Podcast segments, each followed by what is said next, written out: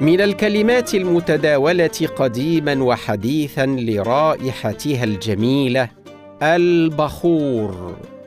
هكذا تنطق البخور بفتح الباء.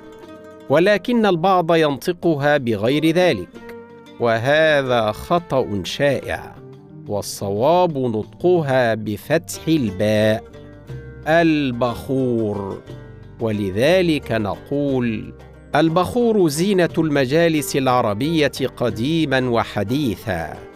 والبخور له رائحة شائقة أي حسنة جميلة تسر الجالسين والمحيطين. أتقن لغتك. لقطات صوتية نصحح من خلالها نطق بعض الأخطاء الشائعة. نقدمها لكم من ميديا توبيا ولكم تحياتي دكتور عبد الله الخولي.